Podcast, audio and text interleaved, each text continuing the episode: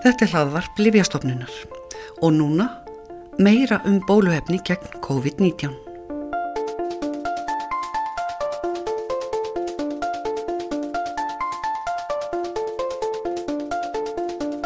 Nú er tæplega hálft ár síðan fyrsta bóluefni gegn COVID-19 fekk Íslands markasleifi þann 21. desember 2020 og bólusetningar áttakið hófst í kjölfarið nokkrum dögum síðar. Í hlaðvarpi Livjastofnunar var skömmu fyrir þessi tíðindi öll fjallaðum þau bóluefni sem þá var ennverða að meta en nú styttist í að búi verða full bólusetja um helming þeirra sem að bóðin verði bólusetning og um 215.000 manns hafa fengið að mistakosti fyrir spröytu af tveimur. Við ætlum sem sagt að tala aftur um bóluefni gegn COVID-19, rifja upp ímislegt, til dæmis um hratt þróunaferli, hvernig þau bóluefni sem hér hafa verið til notkunnar eru samsett í þeim tilgangi að vekja ónæmiskerfi til vitundar og varna gegn SARS-CoV-2 verunni. En líka um virkni bóluefnana. Hvað er á bakvið prósentutölunar sem gefnar eru upp um virkni? Þær eru mismunandi eftir bóluefnum. Síðan ræði við líka um mögulegar aukaverkanir COVID-19 bóluefna og í því samhengi um rannsóknir á hugsalegum tengslum Pandemrix bóluefnisins og drómasíki en Pandemrix var nota gegn svínaflensunni fyrir rúmum áratug. Til að setja okkur inn í þessi málöll fengum við Ingi Leif Jónsdóttur, profesor í ónæmisfræði við Læknatild Háskóla Íslands og deildastjóra hjá Íslenskri erðagreiningu í smitt og bólkusjúkdómum. Fyrst var hugað að henni röðu þróun bóluefnana sem virtist koma jafnvel vísindamönnu með insýn í málinn á óvart. Átti yngileg vona þessu hraða ferli? Nei, ég átti ekki vona að myndi ganga svona hratt. Ég vissi að það var mikil áherslega lögð á að reyna að flýta eins og hægt væri en hinga til hefur ekki tekist að koma bólefnum á markað e, nema á nokkrum árum og svona það sem við hefum kannski mest verið vönir að það taki kannski áratug. Þannig að þetta er ótrúlega góður árangur að vera koma með nokkur bólefni með markasleifi innan við ári frá því að vera hann greindist.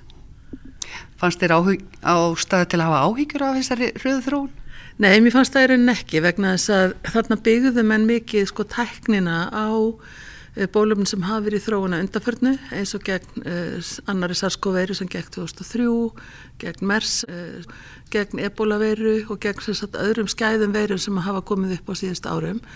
að þar hafa menn verið að þróa mRNA bólefni þó að þessi faraldra hafi nú kvaðnað og ekki sagt, bólefni ekki farið alveg að nótkun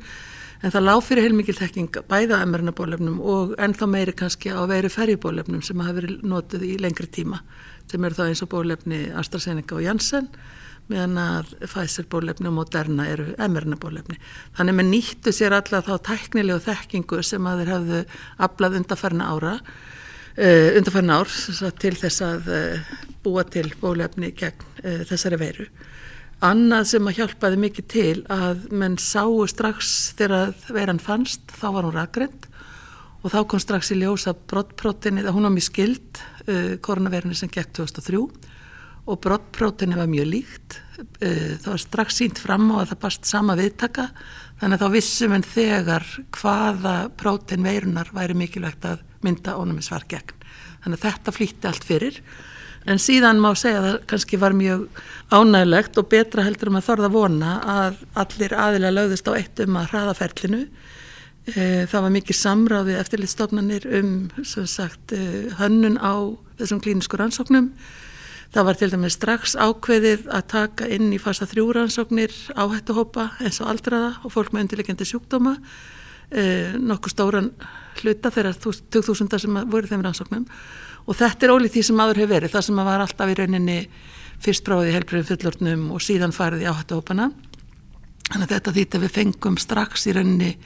niðurstöðu fyrir þá hópa sem var vitað að væri mestra hætt á að fara ítlótu sjúkdómnum. Og síðan hafa eftirlistofnennar bæði Európska lífastofnun og lífastofnun bandaríkjana uh, haft óvinnlegt ferli í gangi þar sem að er þessi kallaða rolling review þar að segja þeir fara yfir gögnin jafnóðum og þau verða til. Já, einmitt, við kallaðum þetta áfangamatt hérna hjá okkur. Einmitt, já, áfangamatt, ég myndi alls ekki hvað því að, en sérst áfangamatti byggir hérna því að eftirstofnarnir fá öll uh, gögn jafnóðum, uh, geta farið yfir þau, ef að koma fram alvarlega raukaverkanir þá er strax kannad hvort að það er bólusettur einstaklingur eða einstaklingur og viðmennahóp en að öðru leiti þá er yfirferðin blinduð þángar til að rannsóknin er búin. En þá er til til að fljótlegt að uh, sagt, sjá hver vendin er að því það búið að skoða í rauninni gögnin allan tíman og það er oft gert mat á miðri leið, ekki beðið eftir að klára rannsóknina. Þannig að að þetta hefur verið alltaf fyrirmyndar og hefur sagt, breytt mjög miklu uh, að fara sem stjafnaði með aukagnin og gera þetta áfangamat en á sama tíma þá er mjög skýrt að það er ekki neitt slakað á minn einar gröfurvarðandi öryggi. Og það er náttúrulega mjög mikið leikil atriði uh, eitt af því sem þessar stofnarnir gera er að þær býða í minnstakosti tvo mánuði eftir að síðast einstaklingur kom inn í rannsóknina og fekk síðustu spröytu þannig á þeim tíma eftir allar svona algengar aukaverkanir vera að komna fram. En þú sagður að það hefði verið komin þessi mRNA-tækni og, og genaferju-tækni í fyrri bólöfn? Já, það var sem sagt, hefur verið í þróun og búið að prófa í mönnum í fasa 1 og fasa 2 rannsóknum. Þannig að menn sem sagt vissu heil mikið hvað virkaði og hvað ekki.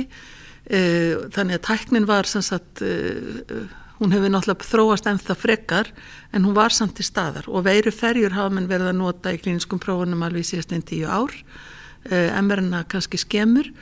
Og aðalvandin við MRNA bólefnin er að MRNA er svo uh, óstöðug samend og hún brotnar auðvitað nýður við geimslu, hún brotnar nýður um leiðum kemur inn í líkamann. Þannig að þróunin síðust ár hefur fyrst og hans gengið út á að gera MRNA nú stöðugt til að nái að fara inn í frumum mannsins og eftir því sem búið til próten sem við myndum síðan ánami svar gegn. Mm. Þannig að það fá það ná stöðu til þess að geima það, til þess að flytja það og til þess að koma því á réttan stað áður því reitt. Mm. Bara svo ég skilji þetta rétt en, en þetta var, hafði verið notað þessi tækni í, í klínsku prófunum, ekki í bólöfnum sem voru komin á markað? Ek, ekki bólöfnum sem voru komin á markað, nei. En hvernig, hvernig getur þú líst eh, sagt, muninum á þessum tvennskona bólöfnum, annars vegar þessum með mRNA uh, og hins vegar þetta ferju dæmi, veiru ferjuna uh, en það lítur að vera sko eitthvað, eitthvað afrit af þessu brottprótini í hvort vekja Já, það má segja sko í RNA hérna, til ekki RNA bólöfnuna þá er þetta bara eitt gen úr veirunni og veiran er með RNA sem erðafni, ekki DNA eins og við og sumarverið er með DNA þannig að, hérna, að RNA búturinn sem að þetta eina próten myndast eftir þetta er rauninni bara sábútur sem er hjúpaður í svona fytuögn og svo því spröytaðin í líkamann og fytuögnin er tekinu upp af frömmu líkamanns RNA er losnar og eftir því er búið til próten próten er sendt út af frömmunni og þar kemur ónæmiskerfið þekkir þetta framandi próten og býr til ónæmisvar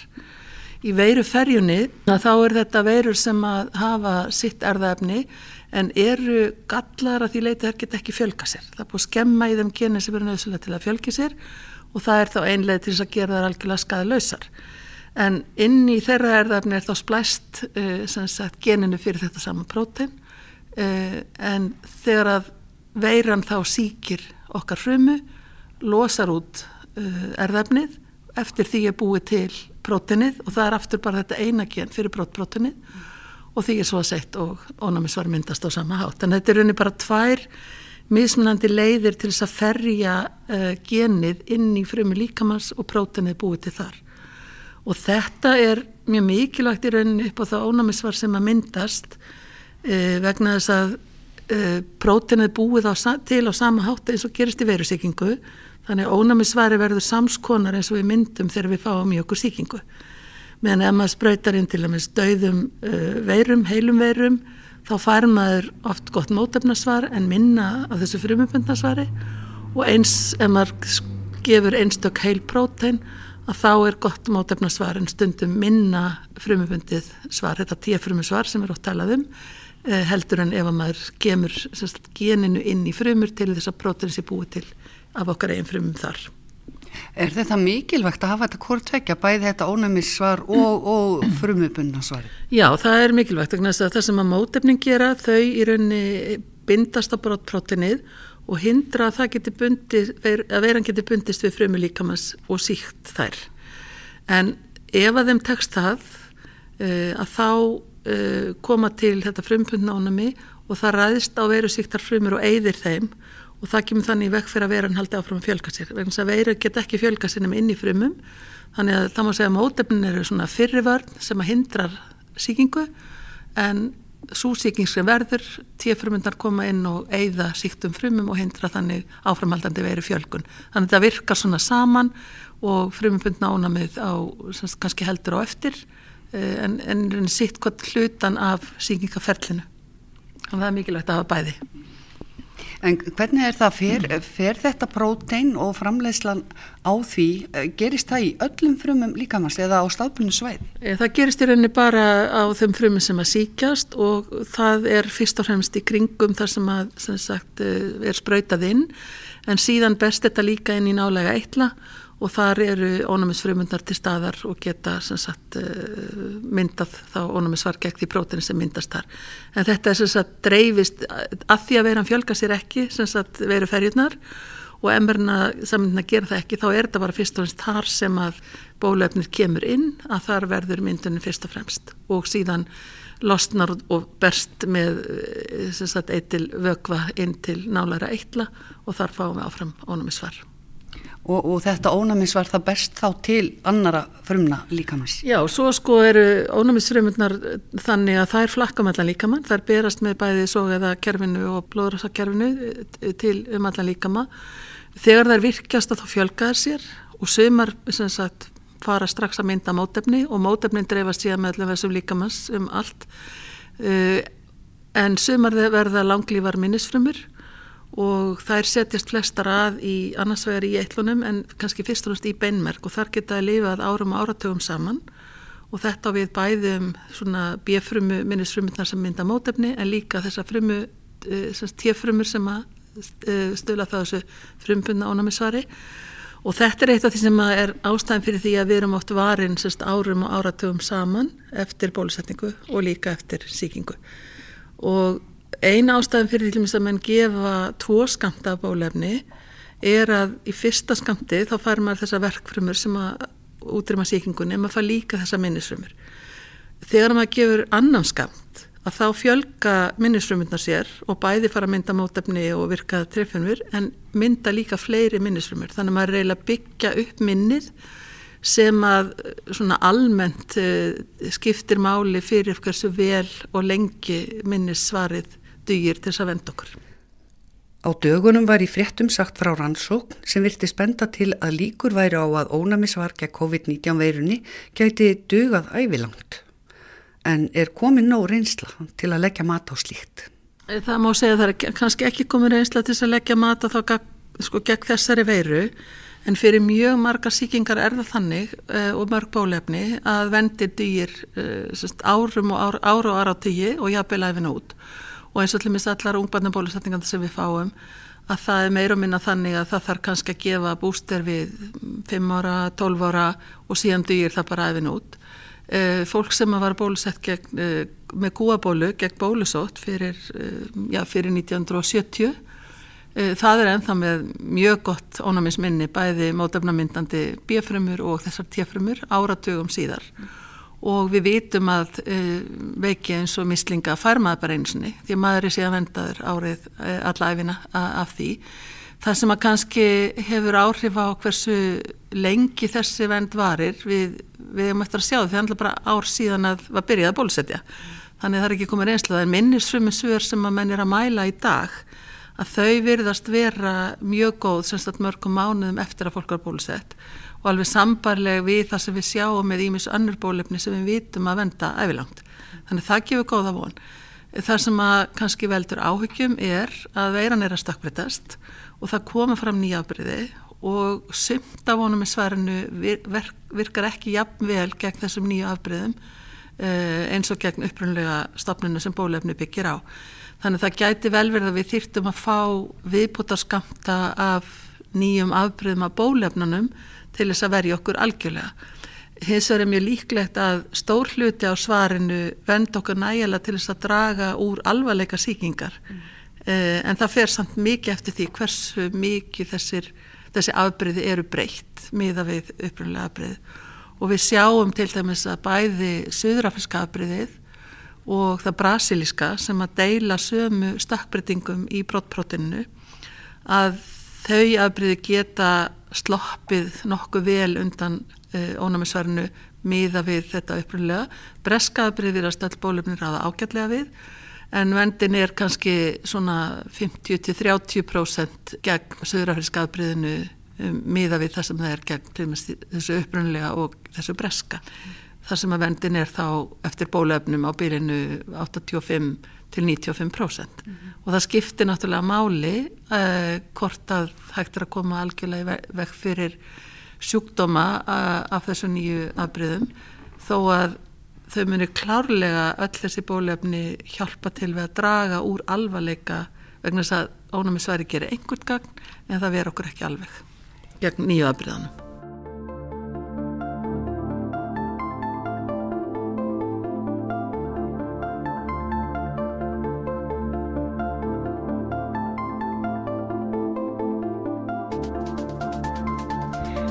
Svo er eitt sem að fólku eh, ásáldi erfitt með að, að skilja og, og, og svona kannski grein í sundur og átta sig á. Já. Það er þetta með virknina. Það er verið að tala um virkni þetta frá 60 upp í, já ég veit ekki, 75-80% jáfnvel. Já, 95% er þá maður segja sérst, að bæði Pfizer bólefnum og Moderna bólefni það þar er vendin 95% svona í það heila í þessum stóru fasa þrjúrannsóknum sem byggja á 20.000 og það er vendin yfir 90% gegn, uh, í mismöndu hópum og gegn alvarlegum sjúkdómi, dauða og slíku. Uh, fyrir AstraZeneca bólefni þá er vendin í nýri rannsóknum svona um 80% í það heila. Uh, Janssen er 67% í það heila en öll bólefnin gefa svona milli 95 og 100% vend gegn alvarlegum sjúkdómi með sjúkrósinlögn og dauða. Þannig að það má segja að þau draga þá það mikið úr sjúkdómnum að fólk verður ekki eins veikt eins og það hefði orðið ef það væri óbólusett. En þessi prósendutala, hún, hún byggir, eh, er það ekki á því að, að það er hópur sem að fekk bóluefnið Jú. og það er þá þetta 60-95% af þeim sem að síktust ekki, en einhver kannski 5 upp í 40% gerur það. Já, það er reyni þannig ef, að, ef að við bólusetjum uh, 100 manns Uh, en ef við segjum bólusettum einhverjar, einhverjar þúsundir og það eru hundra mann sem veikjast mm. og af þeim voru uh, 5% bólusettir en henni voru í óbólusetta hópnum mm -hmm. að þá getur við sagt að vendin er 95% ja. en vendin er líka á einstakliskurinni þannig að þeim mun betra ónámisvar sem maður hefur myndast þeim mun minni líkur er á að síkingin dræði mann til döða eða verði mjög alvarleg En þar koma náttúrulega inn sagt, þættir eins og undirlikjandi sjúkdómar og annað þannig að fólk sem er veikara fyrir er í þessari meira áhætt að fara illáttu sjúkdómnum og með því að bólist þetta eitthvað einasta einstakling þá er maður reyna að færa hans uh, einstaklingsbundna áhættu úr því að vera kannski mjög mikil yfir því að veikjast bara mildilega. En, en uh, þetta 60% eða allt upp í 95% já. það þýðir uh, já, ekki það að til dæmis uh, ef ég með þetta sem er uh, reiknar 60% vörn já. það þýðir ekki það að ég sé bara 60% varin og allir sem hafa fengið það bólefni eða hvað? Nei það þýðir í rauninni að af þeim sem að síktust í stóri rannsókn að þá var, uh, voru bara 40% sem hefði fengið bólusetningu en hinn er 60% voru óbólusettir mm. þannig að það er henni spurningin um fjöldan hvernig þeir sem veikjast skiptast á milli þeirra sem eru bólusettir versus þeirra sem eru viðmjörnahópi sem eru óbólusettir sem eru að bera saman mm. en almennt vitum við að bóluefnin það minna hefur verið gert á rannsóknum á því sem sagt uh, hvertu verja gegn því að smítast og geta síkt aðra það bendir allt til að þeir sem eru bólusettir þeir, þeir geta smítast uh, að einhverju marki. Þannig að vend gegn smíti er kannski svona í kringum 60% talið vera fyrir bólefni sem að veita kannski 95% eða 90% vend gegn sjúkdómi.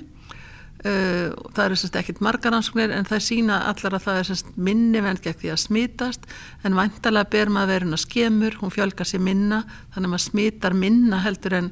þeir sem eru óbólusettir og, og, og varðir.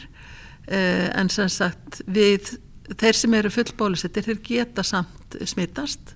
og þeir geta dreift verunni þannig að þess vegna er mikilvægt að meðan að verða að ná upp bólusetninga mjög stórum hluta þjóðurinnar að þá sko hugja maður að því að maður getur búið smitt á milli e, þó að maður gerir það síður að maður er bólusettur heldur en maður er óbólusettur. Þannig að maður getur þá hugsanlega vext eitthvað svo lítið þó maður sé bólusettur eða kannski líka á hindbóin verið algjörlega enginnulegs og fundið ekki neitt. Já, já og það má segja líka bara þeir sem að smítast af COVID að það er alls ekkit allir sem að veikjast, það eru margir sem eru mjög enginna litlir, mm. kannski 40-50% sem hafa mjög lítið lengjani en þeir sem hafa mikið lengjani þeir náttúrulega hafa margir farið mjög illa út úr sjúkdónum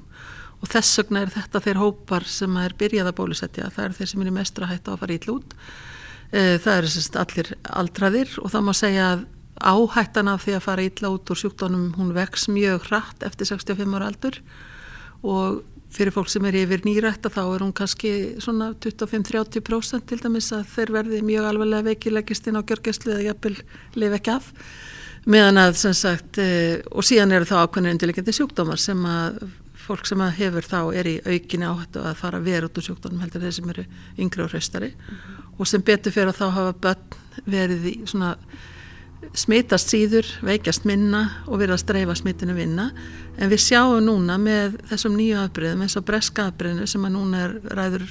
öll í Breitlandi og er farið að dreifast með víða og nýjustu tilfellin hér hafa verið einmitt af því afbreyði að það er meira smittandi það leggst meira á yngra fólk. Það, það sést í löndunum í kringum okkur það sem að mikið er um það að það eru fleiri yngri sem að leggjast inn á spítala og það meira bönnum sem að síkjast En nú er mikið talað um aukaverkanir af, af bólöfnum já. og já, kannski hefur fólk ekkert verið að hugsa rosalega mikið, ekki svona mikil fjöldi verið að hugsa um þessi mál almennt hinga til en það fylgja auðvitað aukaverkanir þessum bólöfnum eins og eh, öllum öðrum lífjum, rekna ég með. Já, það gerir það sko. Það, það má segja einn fórsend er náttúrulega fyrir því að bólöfni eins og lif annur fái skráningu er að þau síni það sem er kallað ásettanlegt öryggi en það er aldrei þannig að eh, líf, bólefnið eða annu líf séu algjörlega án mögulegra aukaverkana. Og það er alltaf þekkt með flest bólefni að eh, þau vekja einhverjar það sem við kallum vægar aukaverkanir sem eru gætnan staðbundnar, róði á stungustað, þróti, bólka og, og svona, jafnvel, já, óþægindi Uh, síðan er það þá þessi uh, útbreyttu enginni sem eru helst sko hitti, höfuverku, beinverkir, liðverkir og annað slíkt. Og þetta þekkjum við sem hafum átt lítil börn sem hafa verið bólusett að þau gráta og þau sofa illa og þeim líður illa en þetta er eitthvað sem gengur yfir, yfir á einu til tveimu sólaringum og við sjáum það með þessu bólöfni að þau valda slíkum sjálfgjafum, nei algengum aukaverkunum það er svolítið mismunandi eftir bólöfnum og það var náttúrulega þetta prófað í þessum fasa þrjú rannsóknum en er nýbúa byrta rannsók sem var gerð á 600.000 manns í Breitlandi og þar skráði fólk sjálft í viku aukaverkanir og þá komi ljós að til dæmis af um, Pfizer bólöfninu þá fengu 13% svona þessi útbreytu enginni hýta eða höfverk eða beinverki eða liðverki eitthvað af þessu meðan að það við fyrst spröytu meðan að það voru um 30% af AstraZeneca þannig að það var meira af þeim útbreytu enginum þar. Hins vegar þegar við skoðum sko staðbundnu enginin uh, róða og þróta á stungustad þá var það yfir 70% af Pfizer-bólefnu en um 50% af AstraZeneca bólefnu en þetta er allt í raunni engini sem að endur spekla það að ónæmiskerfi er að virkjast Þannig að sumuleiti finnst manni ágætt að fá smá svona á þeim, þá veit maður ok, það er ónámskerfið færði í gang, en svo getur fólk líka svara bólefnu ágætlega á þess að fá nokkur enginni. E, en síðan er náttúrulega þessar mjög sjálfgjafu aukaverkanir sem að fólk hefur ágjöraf og það er eina ástæði fyrir því til þess að það er alltaf látni líða, e, minnst okkur stið tveir mánuðir frá því að rannsók líkur á 20.000 að þanga til bólefni fæði leifi til þess að geta séð hvert að mjög sjálfgefar aukaverkana koma fram í 20.000 manna. Og síðan náttúrulega þegar er farið að bólusetja, fjöldabólusetja eins og við erum búin að vera að gera hér um, við um heim núna síðustu mánuði að þá er áfram fylst með og það er náttúrulega mikilvægt að fólk tilkynni alvarlega aukaverkanir eða enginni þeirra og, og, og öll lönd fylgjast mjög grænt með því hvert að slíkar aukaverkanir koma fram. Og almennt getur við sagt að alvarlegar aukaverkanir uh, eru mjög sjálfgjafar fyrir langflest bólefni á bylinu kannski einna móti halvri miljón til einna móti tíu miljónum, eitthvað slíkt. Uh, en það þarf samt að fylgjast með því og, og, og skoða hvort að það er hægt að kenna bólefninu um. Uh, og hér hefur náttúrulega umræðan kannski mest verið um blóttappa sem hafa verið tengdir við bólefni AstraZeneca fyrst og fremst Þar hafa verið gerðar úttektir á uh, bæði náttúrulega þeim mikla fjöldar sem eru bólusettur í Evrópu uh, og í bandaríkjónum uh, en kannski langmest í Breitland og í Evrópu. Og það hefur í þeim rannsóknum sem hefur, hafa verið gerðar af þá þessum eftirlit stopnunum sínir það sig að það er ekki hægt að sína fram á neinn tengsl bólefnisins við blóttappa almennt Uh, og það á við um önnur bólefni líka, bæði Pfizer og Moderna, það hafi verið skráð að einhver hafi fengið blóttappa en það hefur ekki verið takt að tengja blóttappa almennt við bólusettingarnar. Hins vegar er ein mjög sjálfgeft tegunda blóttappa sem að tengist í að blóðflögum fækkar líka mjög mikið og það er vegna þess að myndast mótöfning gegn blóðflögunum sem kekja þær og þær uh, klumpast þá og valda blóttappa en síðan springa þær og þá er storkukerfið rauninni óvirt þannig að það er erfitt líka að meðhandla það. Þetta er mjög mjög sjálfkæft en þetta er aukaverkun sem að e, eftirlistofnanir telja og nokkra vísindagreina hafa byrst um líka að vantanlega tengist bólusetningunni þó minn skilji ekki alveg af hverju eða viti hvaða þættir í bólefninu það eru sem valda.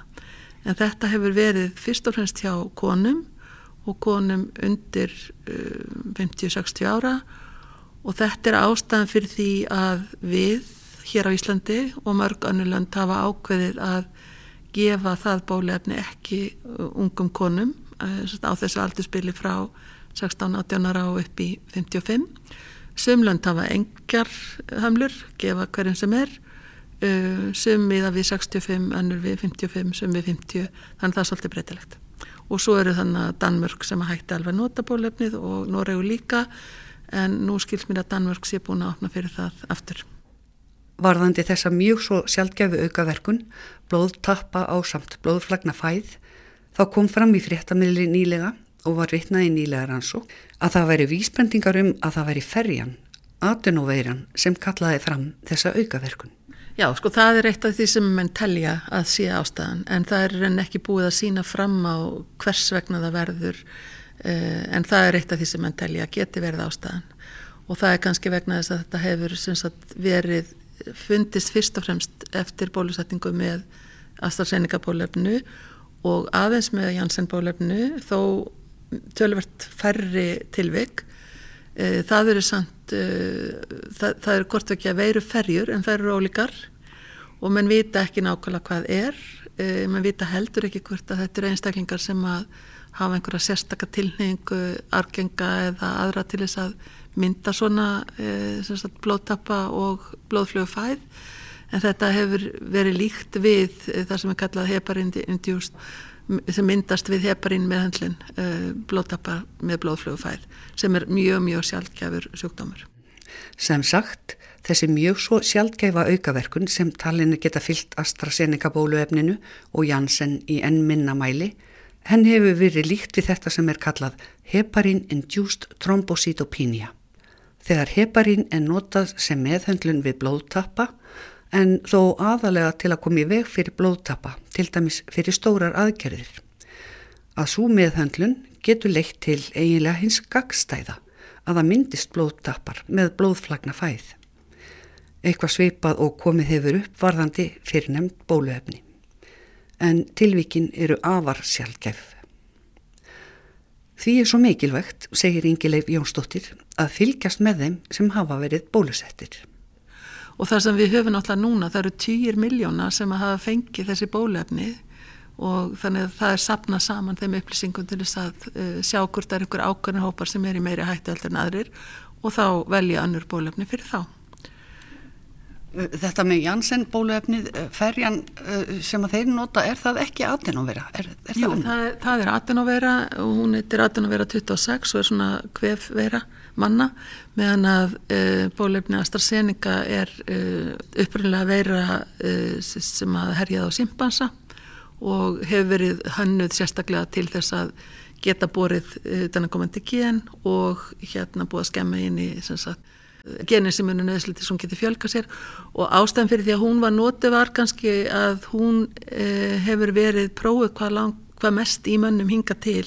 bæði fyrir aðrar veirur, fyrir malaríu fyrir ímsarsýkingar í nokkur ár mm. og uh, ekkert af því hefur orðið sagt bólefni sem hefur verið skráð uh, en hefur sínt sagt um, mjög gott öryggi í þeim þannig að það er eina ástæðan fyrir þeir velja þessa veiru ferju frekar en aðrar að það lág fyrir svo mikið á gögnum um menn mm. en þegar þetta er svona sjálfgjafar aukaverkanir örfáður einstaklingar af 20 miljóna að þá þarf náttúrulega, ma maður finnur það ekki fyrir maður er búin að bólusetja ansi marga sko. En uh, sko hvað, hvað með sko, þessar aukaverkana sem, ef við tölum um þess að alvarlegu uh, sem að fram nú þegar hafa komið uh, af þessum bóluhefnum sem er verið að nota hérna er hægt að bera þetta eitthvað saman við aukaverkanur af, af uh, öðrum bóluefnum sem sagt svona þessum hverstaslega influensu bóluefnum eða uh, bóluefni gegn öðrum smittsjúkdómum, mislingum og þess áttar þetta sem að við fáum öll? Uh, Varðandi aukaverkanir sem sagt þessar sjálfgjaf aukaverkanum þá fer það svolítið eftir bóluefnum. Þetta er dæmi um heilabólgur, þetta eru dæmi um vöðvaslappleika Uh, annars líkt, uh, það var tölverkt talað um hvort að influensa bólusefni sem var gefið hérna 2009-10 hvort að það tengdist sagt, hérna narkolepsi. Uh, það hefur var rannsókn í Finnlandi sem bendi til þess. Það var ekki hægt að staðfesta það víðast annar staðir í miklu miklu stærri rannsóknum menn eru mjög ósamála um þar hvort að þar hafi verið raunveruleg tenging við bólefnið eða hvort að tengingin var ekkit síður við þann influensustopp sem gekk það árið vegna þess að það var líka aukning meðal fólk sem ekki var bólusett. Þú ert að tala um pandemriks og, og drómasíki. Já, já, og drómasíki, já, narkolepsi, drómasíki og þannig að, þannig að, að ennþá að þá er erfitt að sína fram á hvert þetta var veiran, uh, þessi stopn á einn en einn af influensaveirunni eða bólefnið sem var búið til úr prótenum hennar uh, og ónumiskleði sem að gefum var með uh, vegna þess að mann sáu semst, verulega aukningu uh, sem að hafði hjá fólki sem ekki var bólusett og kannski voru þeir sem voru bólusettir og líka útsettir fyrir, fyrir verðinni þeir sem fóru vest út. Og síðan hefur verið talað um að það hefur verið erðaþættir sem að tengdust þessu en það eru lítlar ansóknir og ekki mjög margtakar Já, hvað með það? Hver, bæði, hvað var það að síkjast alvarlega uh, og hins vegar viðbröð við, við bólöfni? Er, er þetta, byggir þetta bara á okkar genum? Sko það er mjög margt sem kemur til greina. Genin náttúrulega skipta örglega máli. Uh, það er hins að maður segja fyrir smiðsjúkdóma almennt miklu minna vitað um erðafættina heldur en fyrir langvinna aðra sjúkdóma og það er kannski vegna þess að það sem ræður náttúrulega fyrst og fremst er hvert þú yfirleitt ert útsettu fyrir síklum átt séns á að veikjast. Að því að með marga sjúkdóma þá eru þeir það sjálfgjafir vegna þessi skæðu sjúkdómar vegna þess að flestir eru bólusettir. Þannig að það er ekki fyrir að, uh, fyrir að dala mikið í rauninni fjöldi þeirra sem er bólusettur sem að þessar, þessir síklar fara að dreifa sér og komi faraldrar og þá sagt, vitum við raunin ekki hversu stóran þátt erðirnar uh, eiga. En það má segja að fyrir nokkra sjúkdóma þar vita menn töluvertum er að þætti eins og fyrir bergla til dæmis. Og en sem sagt miklu minna það má segja gegn, gegn smittsjúkdómam heldur en heldur nými sem öðru sjúkdóm þar sem erðirnar eru þekktar En það er alveg ljóst að, að eh, það eru gen sem hafa áhrif á ónæmisför yfirleitt eh, en það hefur ekki mikið verið skoðað í tengslu við bólusetningar eh, hversu vel, eða hversu mikil áhrif genin hafa á það hvort þið sögum bólusetningu ver eða illa. En það eru þó dæmi með mitt fólk með ónæmisspilanir þar sem eru gallar í ákveðnum genum sem að sem sagt, svarar illa ákveðnum bólefnum þannig að það er svona vísbendingar um það sko en, en ótrúlega lítið, lítið vita með við margt annað í, í þessum fræðum. Er ekki líkur á því að áhugi vaksi einmitt á þessu, þessu sviði, svona í framhald af þessum faraldri? Jú, jú, ég held að og áhugin hefur náttúrulega bara farið vaksandi á allum sjúkdómum með miklum framfyrir sem hafa orðið í erðafræði og uh, þar hafa sem sagt kannski hefur kent okkur heil mikið um bara mikilvægi mismundi þátt að ónumiskerfisins það sem við getum lært af þeim sem eru með galla ónumiskerfi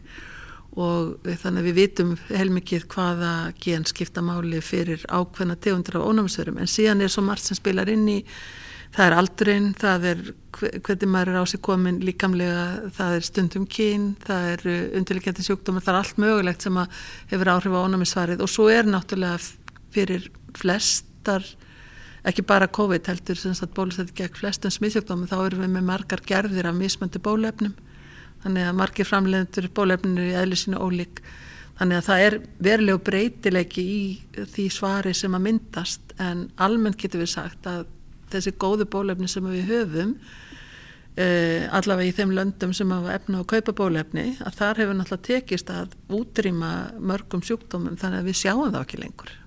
en það er hins vegar öðruvísi farið víða í fátakarlöndum heims þar sem að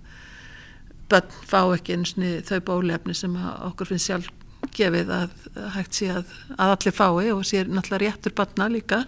samkvæmt barnasáttmála saminu þjóðana að fá bestu heilbríðstjónustu sem velur á þar sem að bólusetningar er taldar kannski verið eitt aðal forgámsmálið að það er enþá fyllt af börnum sem að fá ekki bólefni sem að við hefum notið ára tugi hvaða sjúkdómar er þetta sem þú, talar um sem hafi verið já, útrýmtið eða svo gott sem? Já, það, það er alltaf algjörlega búið útrýma bólusótt. Það er mjög langt komið að útrýma mænusótt. Hún er núna bara landlega í tveimur löndum. En það má segja að sjúkdómar eins og barnaveiki sem var mjög skadleg hérna áður og bara dóur, mislingar, e, þetta er þar sem er bólusett. Þar er þessum sjúkdómum til sjástfalla. En það hafa náttúrulega verið að koma upp uh, víða hópar sem ekki vilja þykja bólefni, taka þann rétt af börnunum sínum að láta bólusetja þau sem að mér finnst vera e, nánast glepsamlegt svo ég segi það nú bara reynd út.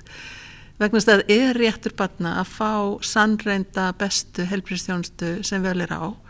og það er ekki ásættanlegt finnst mér að krettur ráði því að fólk taki þennan rétt af börnunum sínum og við erum að sjá mislingafaraldra þar sem að týjir þúsunda batna veikjast í Evrópu, í ríkum löndum. Við erum með týjir batna sem deyja úr mislingum á hverju ári. Og sjúkdómi sem hefur raunni verið útrýnt með bólstættingum sko frá því 1980 og svo höfum við eins og stífkrampa uh, barnaveiki þetta sem að gefir í fyrstu bólstætningu uh, það hefur verið mikið átakað útrýma stífkrampa víða um heim með bólstætningum eh, vegna þess að hann var stór hluti af eh, ungbarnadauða viða eh, í fátakari löndum. Þannig að þetta er eh, sagt, og svo heldur fólk kannski líka þegar það sér ekki þess að sjúkdóma lengur. Það trúir því ekki þeir hafi verið svona slæmir eins og þeir voru. En það getur eldra fólk sagt okkur sem að mann